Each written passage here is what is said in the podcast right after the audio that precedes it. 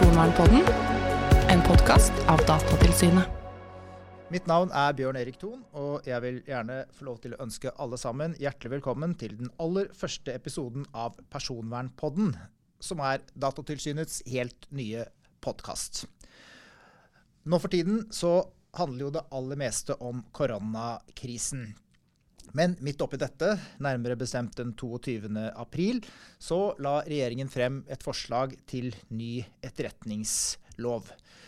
De har hatt uh, mange navn. Noen kaller det for uh, digitalt grenseforsvar. Noen kaller det for digital masseovervåkning. Og noen kaller det for tilrettelagt innhenting av informasjon. Datatilsynet har jobbet veldig mye med dette lovforslaget, som har en lang historikk, som vi skal si litt om etterpå. Uh, men det er kanskje greit å understreke med en gang at det vil ikke være Datatilsynet som kommer til å føre tilsyn med dette regelverket. Eh, for eh, det er et eget utvalg som heter EOS-utvalget, som er satt til å føre tilsyn med de hemmelige tjenester. Men allikevel så har dette store konsekvenser for personvernet, og det er nettopp det vi tenkte å diskutere i dag. Og vi tenkte å prøve å belyse dette problemet. Eh, og da har vi vært så heldige å få to veldig flinke gjester til den aller første podkasten vår, nemlig Adele Mestad og Anine Kierulf. Hjertelig velkommen skal dere være. Tusen takk. Tusen takk for det. Og Da tror jeg vi skal begynne med å introdusere gjestene våre. Eh, for jeg vet at begge dere to er opptatt av dette. Eh, dere er opptatt av menneskerettigheter. Dere er opptatt av ytringsfrihet, som selvfølgelig også er en menneskerettighet. Eh, men jeg tenkte at dere bare kort kunne si litt om hva dere jobber med, og hvorfor dere er spesielt opptatt av dette. Og Adele, du er jo direktør i noe som heter NIM.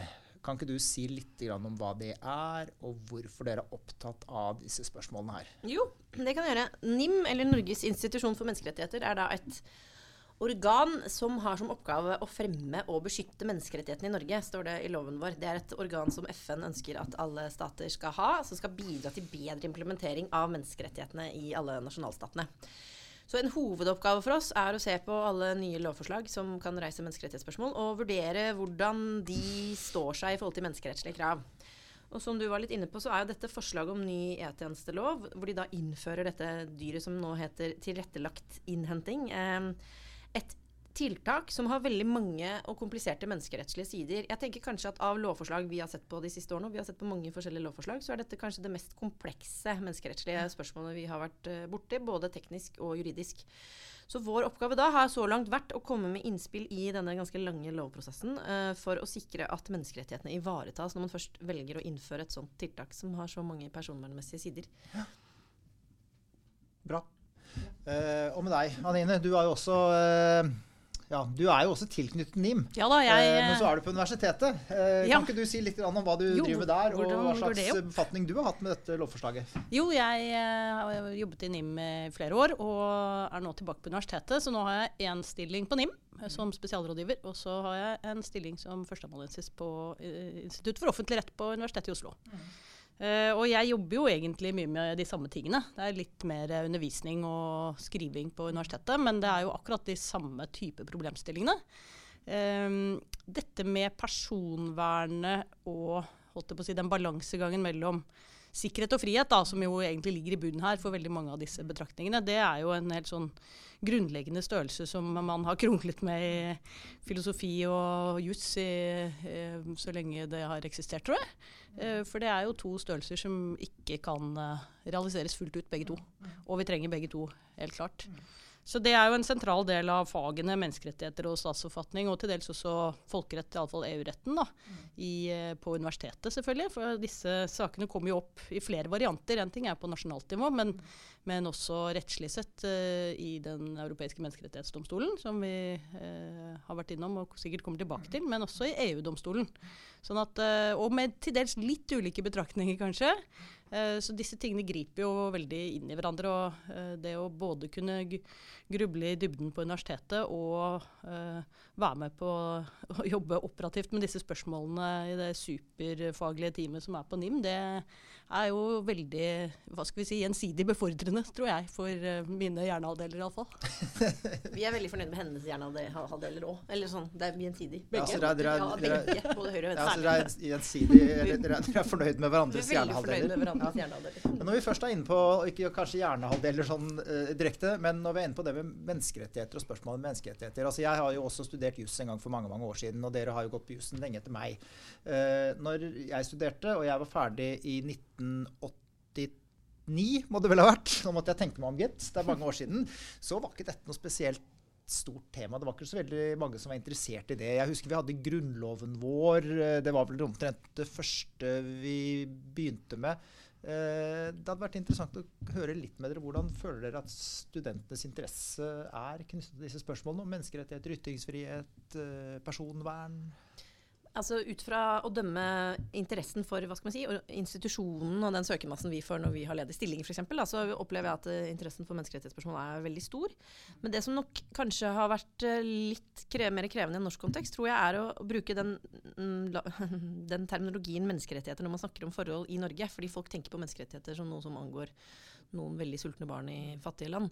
Uh, mens det å på en måte tematisere menneskerettighetsspørsmål opp mot norske forhold, det er litt mer krevende. Uh, man skjønner det intuitivt, tror jeg, enklere på disse områdene her, som har med personvern og ytringsfrihet og kildevern og sånn å gjøre. Der er det lett å få gehør for det.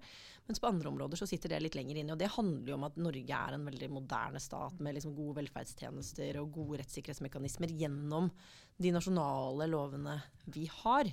Sånn at ø, ofte så, så, ligger ikke det menneskerettsvernet så langt unna det Altså det ligger gjerne på linje med det vi allerede har fra før. Man trenger ikke å ty til menneskerettigheter. Mens i mange land er jo det helt nødvendig.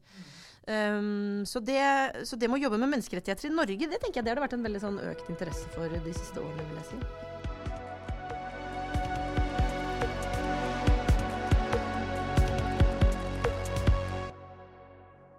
Eh, men jeg lurer på om vi skal gå litt tilbake til, eh, til eh, ja, Jeg kaller det for digitalt grenseforsvar. Ja, så kan dere bruke andre begreper om dere, om dere ønsker det. Men for dette, jo, dette, har jo vært en lang prosess. Det begynte jo med en utredning som ble ledet av professor Olav Lysne, som het Lysne II-utvalget. Og de utredet jo da og lagde dette begrepet digitalt grenseforsvar. og så har det vært laget en proposisjon som ble sendt på høring, og så har det kommet en ny en nå som er lagt fram for Stortinget. Så nå ligger jo saken til behandling i Stortinget. Og eh, dette lovforslaget, bare for å forklare helt kort hva det går ut på, så er det jo snakk om å overvåke eh, og føre kontroll med kommunikasjon eh, som skjer eh, ut og inn av Norge. Uh, sånn at dette er jo noe som Etterretningstjenesten skal bruke. Og Etterretningstjenesten de skal jo overvåke uh, det som er av trusler mot Norge. Uh, og så har man laget dette digitale grenseforsvaret, som egentlig vil være en liten boks som man setter på kabler som går ut og inn av Norge, for å sjekke hva som går i de kablene. og så er det jo slik at Etterretningstjenesten jo ikke skal overvåke kommunikasjon mellom norske borgere i Norge. Eh, men eh, hvis vi hadde sendt en tekstmelding til hverandre, vi som sitter i denne lille samlingen her nå, så hadde den med ganske stor sannsynlighet tatt en sveip innom utlandet og hadde blitt fanget opp av det digitale grenseforsvaret. Og det har vel vært eh, ja, det har vært sett litt ulike tall på dette, men det har vel vært snakk om at i hvert fall 70-80% kan bli fanget opp av, av, den innenlandske kommunikasjonen kan bli fanget opp i det digitale grenseforsvaret og de lagrene som man nå, nå bygger om. Kanskje bare rekapitulere, for det er jo bare sånn at vi har det klart for oss, for det er jo to hemmelige tjenester. Ja. Det er Etterretningstjenesten, mm. som, som du sa, uh, overvåker det som på en måte kommer av trusler inn mot Norge. Og så har du Politiets sikkerhetstjeneste, ja. som passer på ting ja. inne i Norge. Begge de er deler av de hemmelige tjenestene. Men det som er problemet nå, er at den tekniske utviklingen har blitt sånn at, det, uh, at Etterretningstjenesten, for å få med seg det som går ut og inn av Norge, også får med seg masse av det som egentlig bare skulle vært inne i Norge. Ja. Så har vi jo én hemmelig tjeneste til. Nasjonal sikkerhetsmyndighet er jo også definert som en hemmelig tjeneste. Eh, I hvert fall deler av det de driver med. Men de holder på med cybersikkerhet og eh, ja, hva skal vi si, den type ting. Ja. Eh, Så det er ikke helt enkelt, dette, dette bildet. Men i hvert fall, vi kommer til å sitte igjen eh, for disse, disse dataene som vi snakker om, de kommer jo til å bli, bli lagret, og de kommer til å bli lagret i et datalager som kalles for metadatalagre. Eh, Og i det metadatalageret så kommer det til å være masse informasjon om data som vi sender til hverandre. Eh, Det som på en måte står utenfor konvolutten. Hvem vi har kommunisert med, når vi har kommunisert, hva slags utstyr vi har brukt når vi har kommunisert, osv., osv., osv. Og metadata er da det, noe annet enn innholdsdata. Innholdsdata ville vært brevet inni konvolutten, mens metadata er adressen. Ja. Ja. Men som vi har påpekt, og det har jo dere også vært opptatt av, Adele, det er jo at metadata sier jo mye om kommunikasjon. Eh, For hvem du kommuniserer med, sier jo også noe om hva du kommuniserer om. Absolutt. Og så er det jo bare også tilbakekapitulere litt. Altså, hele denne proposisjonen handler om hele organiseringen av E-tjenesten. Og det er jo en tjeneste som Anine var litt inn på, som har som formål å beskytte Norge mot trusler som kommer utenfra. E-tjenesten har ikke noe interesse egentlig av eh, hva som foregår innenfor Norges grenser. De skal beskytte Norge mot trusler utenfra. Og de skal jo heller ikke, sånn som PST skal, drive med liksom individuell straffeforfølging eller følge opp den informasjonen de har på den måten. De jobber preventivt med å beskytte Norge mot eksterne trusler. Uh, og denne lovforslaget det regulerer da hele E-tjenestens virksomhet. Og det i seg selv uh, tenker vi som et utgangspunkt er veldig bra at man nå får en grundig lov som definerer det. Før så har det vært veldig regulert i en åtteparagrafslov eller noe sånt. uh, og vært veldig lukket hva den tjenesten egentlig driver med. Nå er det mye mer åpent. Det i seg selv har en ganske stor demokratisk verdi, tenker vi. Og så er det som du sier, dette med å innsamle den type data som går gjennom kabler uh, ut og inn av Norge, det, uh, en effekt av det er at man også samler mye informasjon om, om norsk, norsk kommunikasjon, selv om det ikke er tilsiktet. Uh, og hadde man kunnet filtrere vekk norsk, norsk kommunikasjon, så hadde man jo gjort det. Poenget er at den teknologien som gjør at man kan gjøre det, finnes ikke. Så det er jo utilsiktet egentlig at man da med dette også vil fange opp um, metadata, da, eller det som står utenpå konvolutten, om norske borgere. Men det de da gjør, er at de filtrerer ut så mye de kan, eh, basert på de tekniske løsningene de har av norsk-norsk kommunikasjon. Og så sitter man da igjen med de tingene man ikke klarer å filtrere ut. Og det vil være ganske mye. Så derfor er jo dette, og det er alle enige om, tror jeg, både fra statens side og alle, alle sin side egentlig, at dette er et veldig personverninngripende tiltak. fordi menneskerettslig så er det jo sånn at det er selve innsamlingen av data i seg selv utgjør et inngrep i menneskerettighetene. Det er kanskje bare å dvele litt ved det, for det er jo ikke opplagt for folk flest. Nei, kanskje. det er jo ikke opplagt for bare det å samle dem inn, hvis du ikke ser på dem engang? Det er det, for det er det det er første skrittet her. Ikke Ja, er innsamlingen i seg selv utgjør da et såkalt inngrep i menneskerettighetene. Det betyr ikke at det er ulovlig, det betyr bare at da må det være hjemlet i lov og forholdsmessig og nødvendig for at det skal være i tråd med menneskerettslige krav.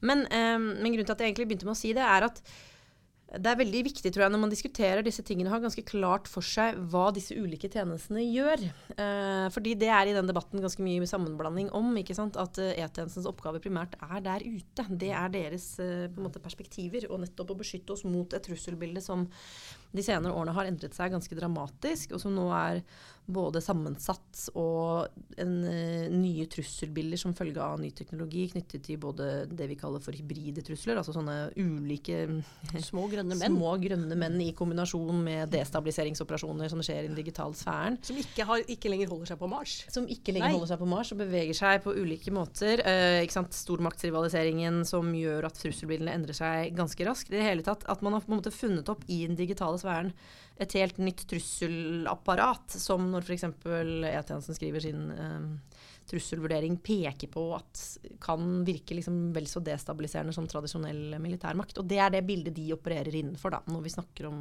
om, dette, om, om behovet for denne kapasiteten.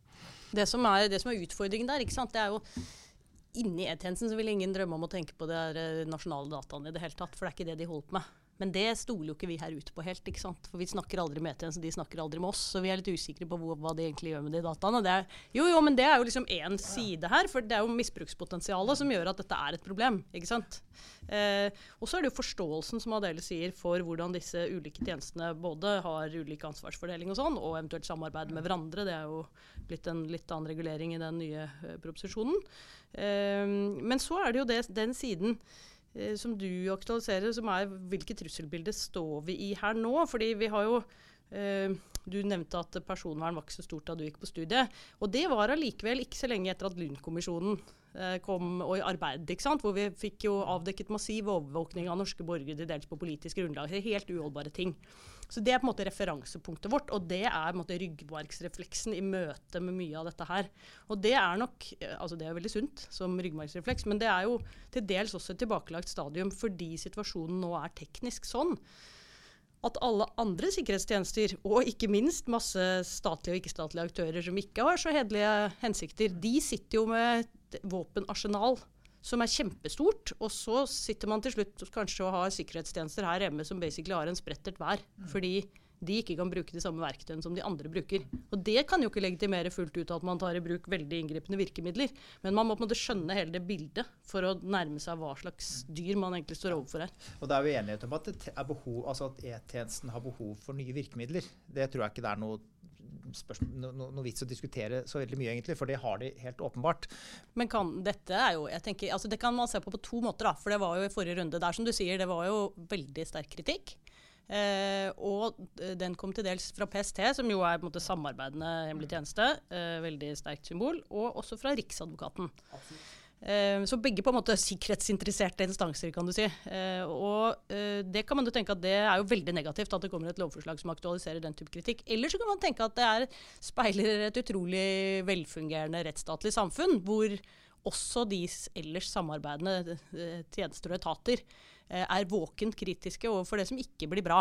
Og det syns jeg jo, hvis vi skal komme tilbake til det forslaget som nå ligger på bordet, måten man har forholdt seg til de høringsinnspillene som har kommet, det er jo, er jo veldig positivt på vegne av si, høringsinstituttet og demokra den demokratiske samspillet som er i, forbindelse også med så teknisk kompliserte og vanskelige lovforslag som dette her. da.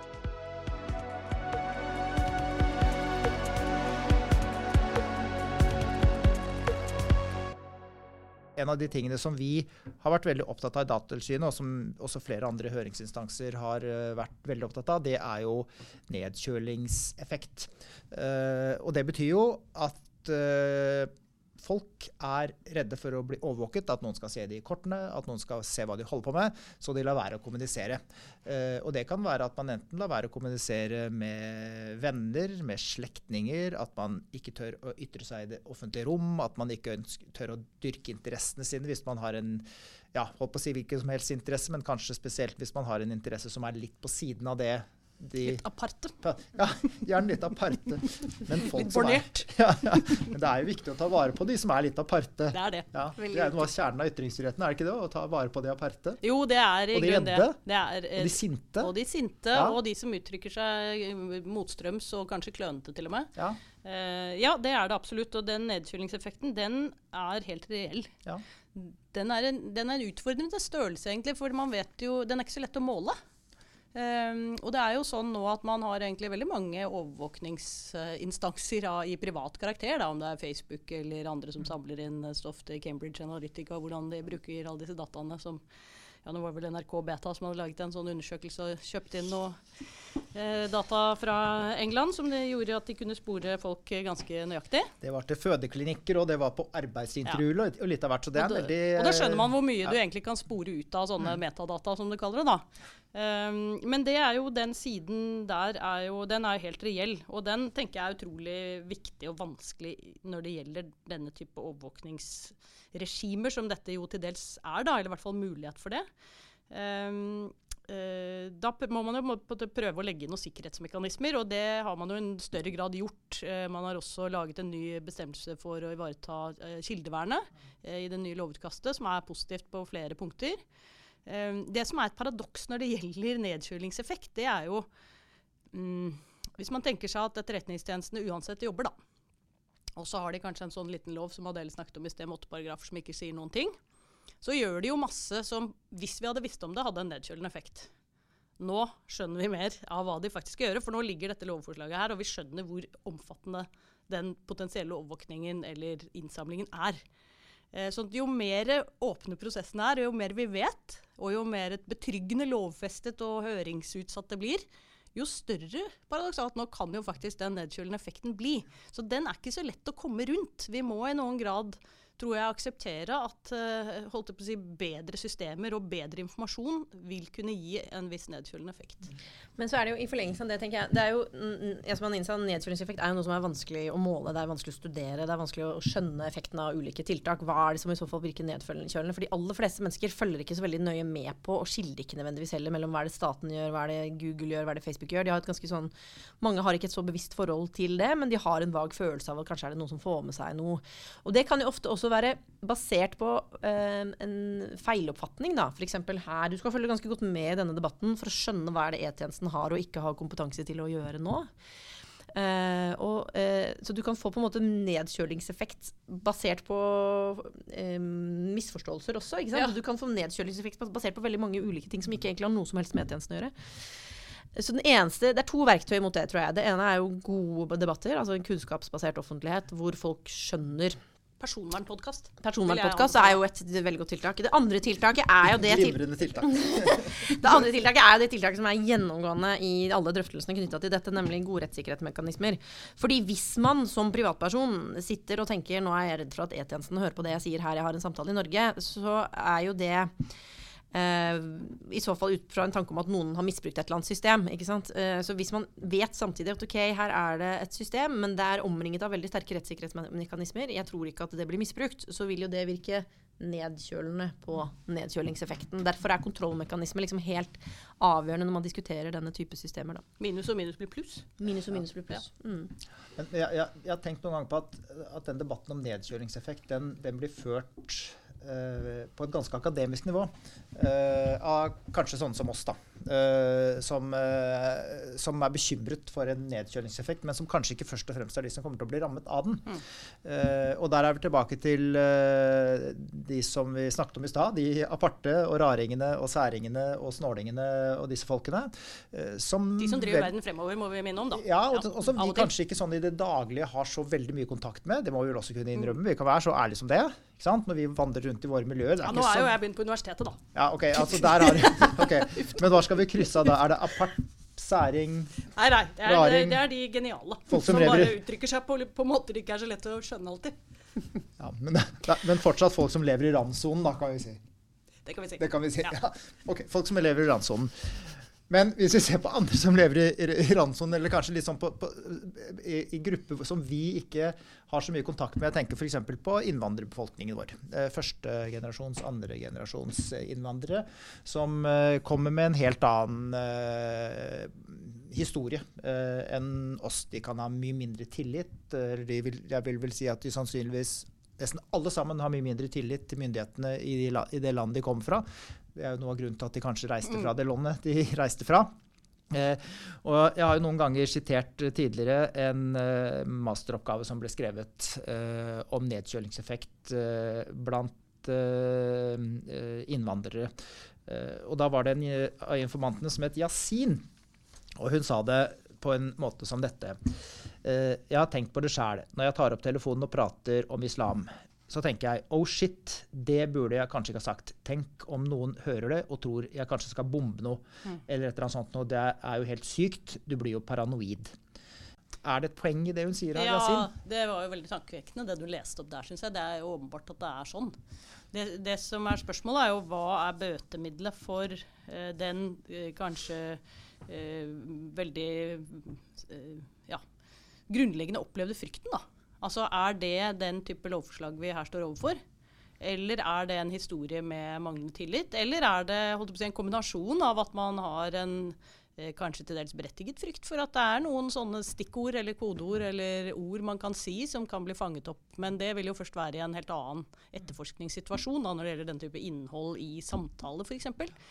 Um, jeg tror ikke det er noen quick fix mot den type chilling-effekt eller nedkjølingseffekt, annet enn forsøk på å skape tillit og ha åpenhet, og som Adele var inne på i sted, klare å informere om at uh, disse regimene uh, er omgitt av ulike former for rettssikkerhetsgarantier og kontroll særlig den kontrollmuligheten i etterkant vil jo være helt avgjørende i eh, en sånn situasjon som vi er i her nå, hvor innsamlingen av data blir så enorm som den blir. Det å ha mulighet til innsyn er jo én ting. Det er ikke alltid så lett å få, da, i og med at disse behandles i sånne hemmelige spor og sånn, men at det iallfall finnes gode kontrollmekanismer rundt. For det er jo enorme mengder data som skal samles her. Altså, det er jo data som skal samles i 18 måter. Da. Det er det, lenge. det er både lang tid og enorme mengder. Mm. Hvor, hvor skal de ha dem hen? De skal vel ha det oppe i skyen et eller annet sted, antar jeg.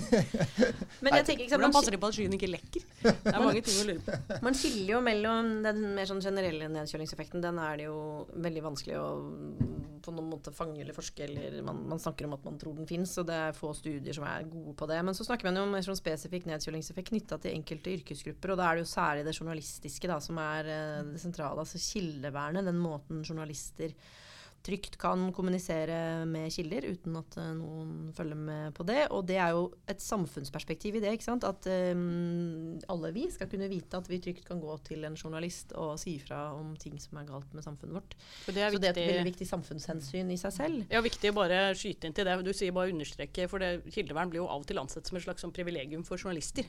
Kildevernet er der for oss, Mm. sånn at vi trygt skal kunne gå og si fra til dem. Ikke sant? Og de aldri skal fortelle til noen at det var vi som sa fra om det. Og det er jo en eh, side ved dette som i hvert fall Menneskerettighetsdomstolen har hatt et mer målrettet fokus på. fordi at den brede nedkjølingseffekten er som sagt veldig vanskelig å, å på en måte mm, forske på. Men akkurat den, denne siden ved det er jo Det er derfor man er så opptatt av f.eks. kildevernet når man snakker om dette. Fordi, fordi det har en særlig sånn samfunnsverdi å bevare den type fortrolig informasjon. Men det finnes også andre eksempler på det.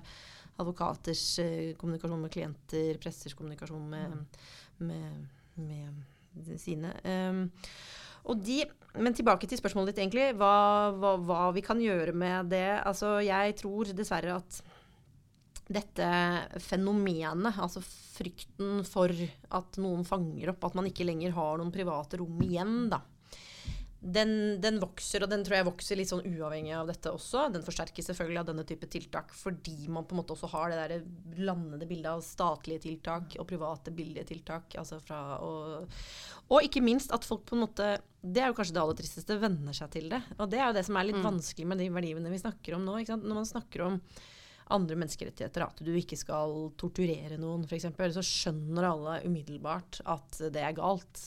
Men hvorfor er det så viktig å bevare denne private sfæren vår, altså retten til privatliv, som jo er en egen menneskerett? Altså retten, og det handler dypest sett om retten til å få være i fred og ha sin personlige space, hvor ingen andre invaderer på noe vis. Har du ikke noe å frykte, så har du ikke noe å skjule. Ikke sant? Det, det, er for, det går ikke. Og det tenker jeg det er kanskje min største bekymring mer sånn generelt. Og det har ikke egentlig så mye med dette forslaget å gjøre. Det er mer sånn generelt at det er en, en menneskerettighet som jeg tror er mest trua på et vis. Fordi vi aksepterer så mye invadering av vårt privatliv gjennom ny teknologi uansett. Og jo mer vi aksepterer av det, jo mer blir det vanskelig å argumentere for at liksom, hvorfor skal ikke staten ha denne kapasiteten hvis du uansett har gitt opp alt privatlivet ditt til Google, som vi jo alle har, ikke sant? Og vi er jo på det små skritts vei. Ikke sant? Vi er jo, Hvis vi går tilbake, hvis vi ser på det la oss si det liksom polisiære overvåkningen, da, eh, så fra 2001 eh, så har det vel kommet eh, ja, Hvor mange er det vi er oppe i nå, da? Vi fikk noe i 2003, og 5, og 8, og 11, og 13 og 15. Altså ulike overvåkningstiltak. Da, noen relativt uskyldige, mens noen f.eks. dataavlesning atskillig mer inngripende. inngripende. Uh, og det er jo ikke sånn at vi plutselig en dag eh, våkner opp og tenker Oi, nå eh, er jeg nedkjølt. Nå tør jeg ikke å si det jeg vil lenger. Dette kommer jo smygende inn. Veldig vanskelig å si den dagen du våkner opp eller setter deg foran PC-en din og tenker vet du hva, dette tør jeg faktisk ikke å skrive. altså. Nå tør jeg ikke å ringe til onkelen min lenger. Jeg må i hvert fall legge bånd på meg før jeg, før jeg snakker med han. Eller at du som kilde ikke tør å gå og snakke med en journalist. Og da Faren er jo at da er for seint. Jeg tror den beste måten å kontre den der følelsen av at nå begynner det å bli massivt her, nå begynner mitt, mitt personlige rom å bli mindre, egentlig handler veldig mye om kunnskap. Og på den måten er det jo det der dilemmaet som Anine snakket om i stad, at når man da gjennomfører et sånt type lovforslag med en så stor grad av åpenhet, som jeg tenker er veldig prisverdig, antagelig den mest åpne lovprosessen som noensinne har funnet sted knyttet til en etterretningstjeneste i noe land, veldig stor demokratisk verdi, så er det det lille pussige dilemmaet i at det samtidig kan føre til at noen fanger opp noe og begynner å mistenke at noe skjer som egentlig ikke. ikke sant? Det, er, det der er Verdens dårskap. vanskelig. Vanskelig. Ja, det er veldig vanskelig. ja da, for nedkjøling er ikke noe sånn. Det det er ikke noe man går og det, det er en følelse man har. Det er ikke sånn at og nå kommer den loven, og da blir det sånn. Det er en følelse man sitter med.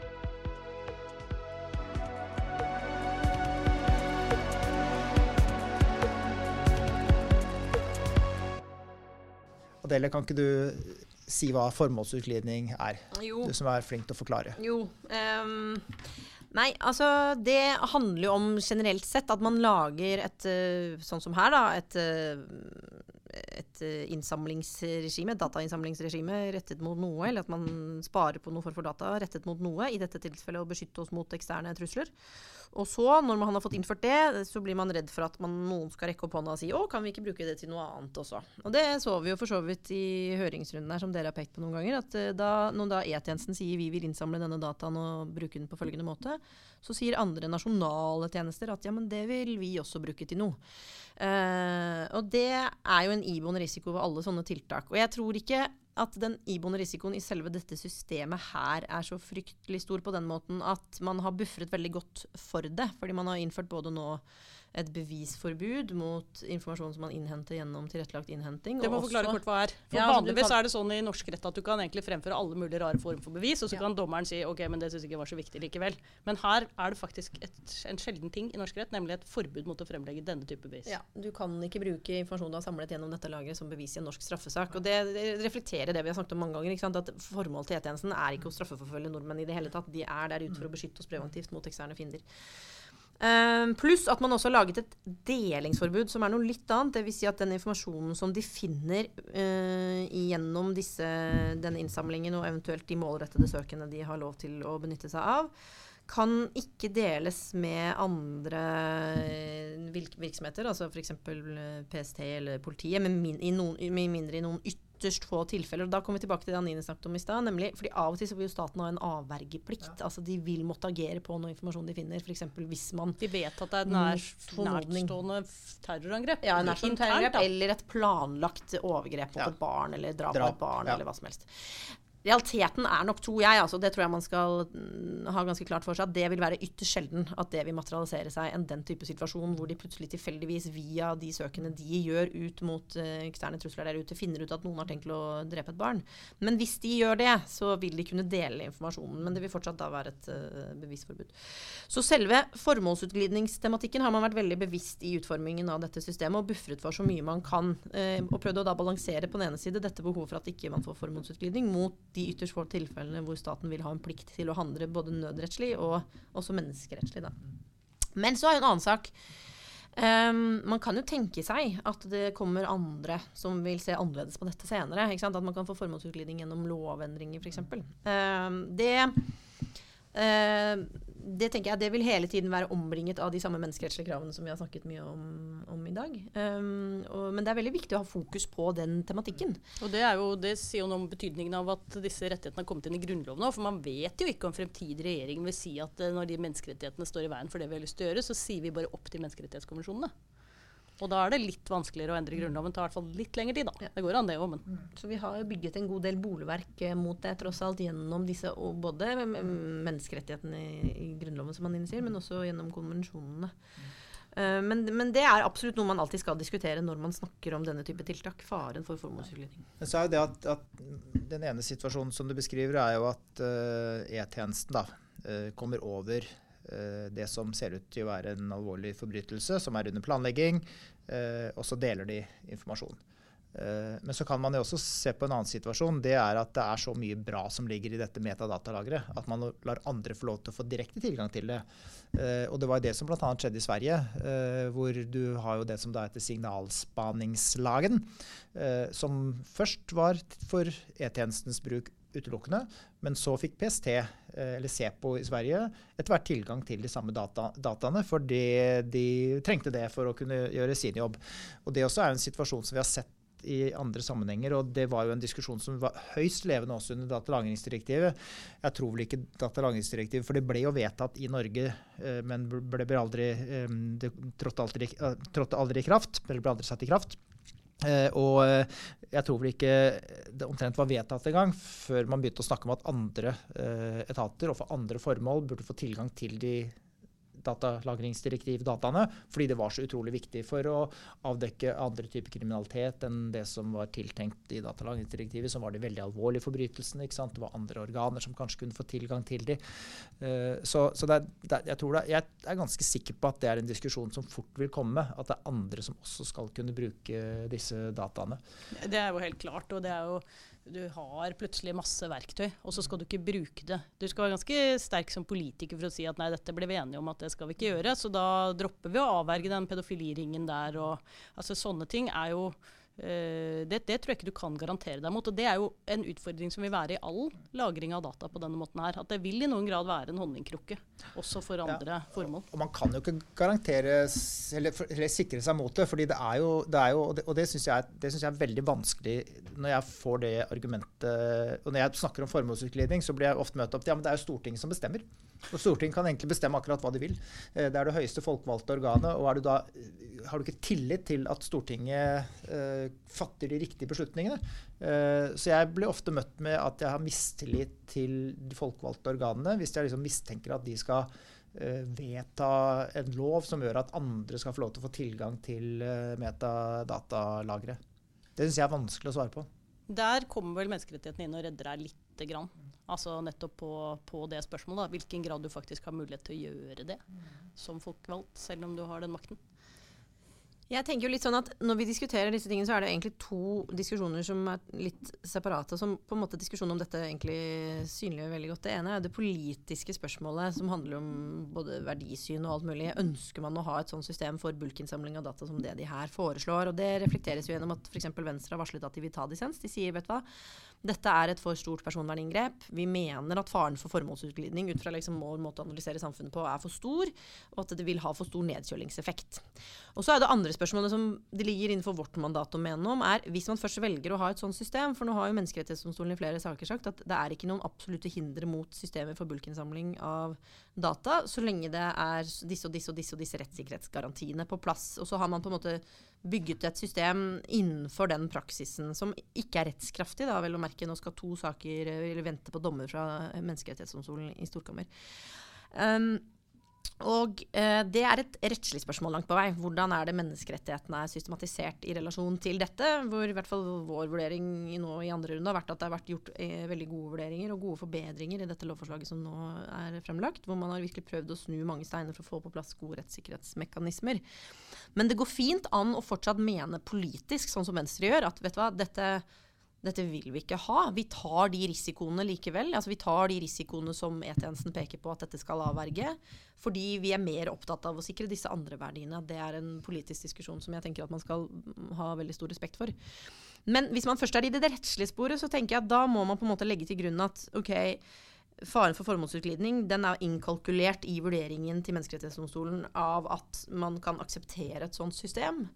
Og da må man på en måte tenke formalistisk på det og si ok, og hver gang man endrer på de premissene, så vil jo også det påvirke om man den helhetsvurderingen. Den helhetsvurderingen ja. ja. Og når slettes det, hvordan ja. lagres det, hvilket ja. formål brukes det til.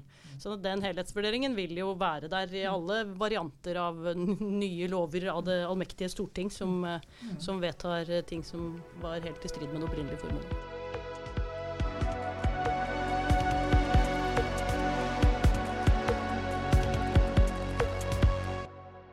Bare ta det helt til slutt. Nå, nå ligger saken i Stortinget. Uh, og det er vel grunn til å tro at det kommer til å bli lagt fram en, ja, At dette blir vedtatt før sommeren, kanskje. Det er, det er vel tid til det. Selv om det er mange andre ting som Jeg tror i hvert fall det diskuteres heftig ja, nå allerede i partigruppene. Ja, nettopp. Men uh, hva ja, Du nevnte det ene med kildevern. Uh, er det andre ting på tampen som dere har lyst til å legge til? Hva, hva bør Stortinget gjøre nå? Hva bør de legge vekt på uh, i behandlingen? Jeg tenker I tillegg til å se ekstra nøye på kildevern, og for så vidt også annen beskyttet kommunikasjon, så bør de se veldig nøye på at disse kontrollmekanismene som nå legger veldig mye ansvar på, nemlig EØS-utvalget og mm, tingretten, Oslo tingrett, at de får de ressursene de trenger for å kunne gjennomføre en reell kontroll. Fordi det er ikke så veldig lett å være kontrollorgan på sånne områder. Du får presentert av noen veldig alvorlige folk fra E-tjenesten at dette kan være fare mot rikets sikkerhet. Og da være den som sier nei, det krever, det krever sin mann eller kvinne. Og for at disse mennene og kvinnene skal kunne gjøre det ordentlig, så tenker jeg at man må ha god form for opplæring, man må ha gode ressurser, man må bygge gode fagmiljøer som gir den hva skal man si, den nødvendige motmakten. Altså den kapasiteten, kompetansen osv.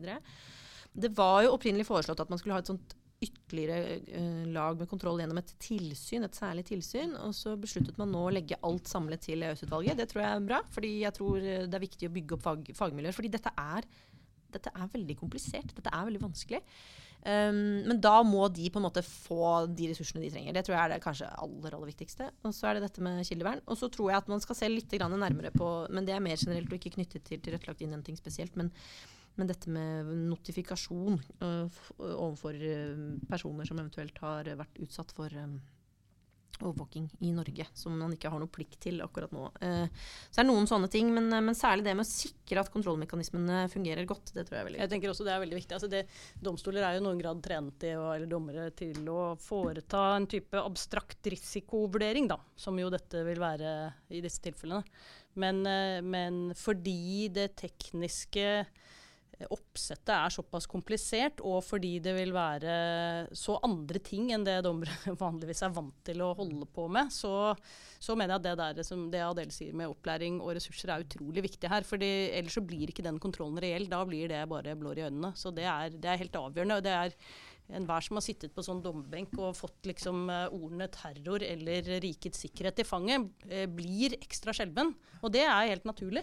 Men nettopp da må man ha en helt annen trening i uh, å håndtere den type spørsmål. Ja. Jeg tror også kontrollmekanismene altså det er helt sentralt. og EØS-utvalgets kontroll blir helt sentralt. og så tror jeg det er veldig viktig at man ikke vedtar noe som ikke kan kontrolleres. Eh, så at man vedtar noe som ikke er mulig å forstå, som det ikke går an å se konsekvensene av. Og det var jo også EØS-utvalget e inne på i sine høringsuttalelser sist. altså De må kunne faktisk kontrollere det som vedtas. Mm. Det tror jeg blir en kjerne i det som kommer fremover. Og så siste ting, jeg tror det er veldig evaluering er også litt sånn kjedelig men jeg tror det er veldig viktig å følge veldig nøye med på både måten man implementerer de føringene som kommer fra domstolen i Europa, eh, fra Menneskerettighetsdomstolen etter hvert, når de kommer, at man evaluerer det fortløpende. Og også at vi hele tiden får et visst sånn faktagrunnlag for kost-nytte her. ikke sant? At vi har litt bedre forutsetninger for å vurdere på en måte hva man oppnår gjennom dette, versus hvilke kostnader det har. Og det, det går litt tilbake til det du sa i stad med å kartlegge eh, nedkjølingseffekt, i den grad det er mulig. da, At vi følger opp dette tiltaket med ganske sånn nøye forskningsprosjekter og evalueringer. tror jeg er veldig viktig. Jeg tror også det, det, er en, det er jo en av de fantastiske tingene med å ha deg som sjef på NIM, det er jo at du er en sånn løpende evaluator. eh, det, men det tenker jeg er utrolig viktig. Det driver å ha læringspunkter hele tiden og ha veldig lave mm. skuldre på at hei sann, her ble det ikke akkurat sånn som vi hadde tenkt. Nå må vi justere litt grann kurs. Ikke la det gå prestisje i en retning eller et prosjekt men hele tiden mm. prøve å forholde seg kritisk til det man selv har vedtatt. Det er gjerne sånn at uh, de som forsøker å lede en debatt, og som ikke helt vet hvordan de skal runde av debatten, de pleier å si noe sånt som at uh, og denne debatten kommer til å fortsette. Eller, Eller så, siste ord er ikke sagt. Eller som vi sier på universitetet, her trengs det mer forskning. Trengs, ja, ja. Uh, men det kan være fine setninger til å avslutte den aller første utgaven av Personvernpodden. Og jeg fikk jo nå oppfylt en drøm. Det var nemlig at Eh, det var dere to som skulle være med på den første utgaven av Personvernpodden. Så tusen takk til Anine og til Adele for at dere ville stille opp. Vi sier tusen takk for oss for denne gangen, og vi kommer tilbake med en ny sending ganske så snart.